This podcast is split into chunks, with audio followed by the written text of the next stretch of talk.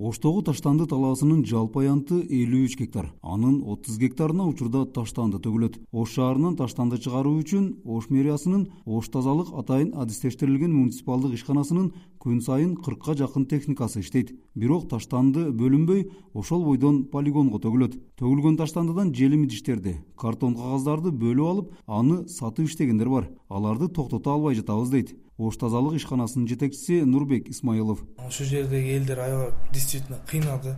Көрдүңүз элүү үч гектар жерди таштандыны кайтарышса кыйын экен ал жагынан кирет бул жагынан кирип кетип чыккан таштандыны ошол жерде э, клеенка каучук темир тезек чыккан нерселерди алар алып ошол кайсы жака сатат билбейм ошол жерден топтоп күнүнө бир элүүдөй алтымыштай адам жүрөт да. Убдга да кат жазганмын азыр бизде полигондо ар кандай вирусный оорулар болушу мүмкүн.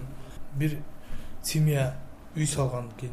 Ал дагы мыйзамсыз болуп атат. Себеби биздин проектке кире турган нерселерди экологдор келип да ошого эскертүү берип кетип атат болбойт бул үйдү алдырышыңар керек деп. Ош тазалык ишканасына европа өнүктүрүү банкы грант түрүндө каражат бергени жатат. Ош тазалык ишканасынын жетекчиси нурбек исмаиловдун айтымында ал каражатка таштанды полигонунун бош жаткан жыйырма үч гектарына заманбап таштанды таштоочу жай жана таштандыны кайра иштетүүчү завод курулат конкреттүү түрдө мындай завод салынып атат алты миллион еврого. Территориясы полный курчалат эки үч метр болуп адам кирбей турган болуп. Отводдор сортировка болот. Сортировканын темири каучугу пластиги болуп туруп анын пресстелип өзүнчө бир сатууга неме кылабыз да? Коюуга болсо болот.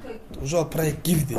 Азыр ошол проекттин үстүндө иштеп жатам. Ошол жерде населенияга зыян тийбей турган кылып мисалы билесиздер дейм полигон жанында адам жашабаш керек. Ошолорду тактап биз бергенбиз. Ош тазалык ишканасынын ишине ичи жылыбаган шаар тургундары да жок эмес. Таштанды үчүн акчаны алгандан кийин убагында тазалап кетишпейт деген шаар тургуну гүлбарчын эскилиги жеткен унаасы өзү айлананы булгап кетээрин айтты.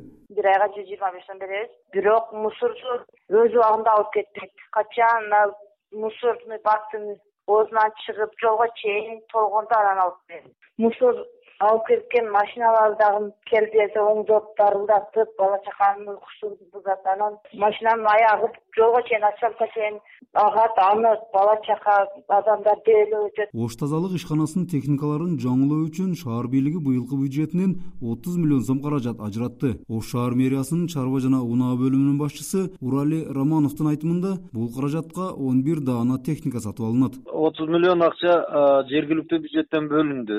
Өзүңөр көрүп атасыңар тазалыктын акыбалы акыркы убактарда начардап кетти техникалар эскирип. Ошого анан отуз миллион акча бөлүндү отуз миллионго он бир техника алабыз деп азыр тендер жарыялоонун алдында турабыз. Буга жанагы таштанды чыгара турган техникалар болот да. Баягы капталынан жүктөй турган машинелер болот анан артынан жүктөй турган машинелер болот. Бир трактор ошол баягы таштанды жүктөй турган трактор. Ош шаарында беш жүз миңдей кал жашайт анын баары эле таштанды үчүн акы бере беришпейт учурда ош тазалык ишканасынын дебитердук карызы он үч миллион сомдон ашык. Шаар аймагынан бир күндө бир миң эки жүз куб же болбосо жүз унаа таштанды чыгарылат медер ниязалиев азаттык ош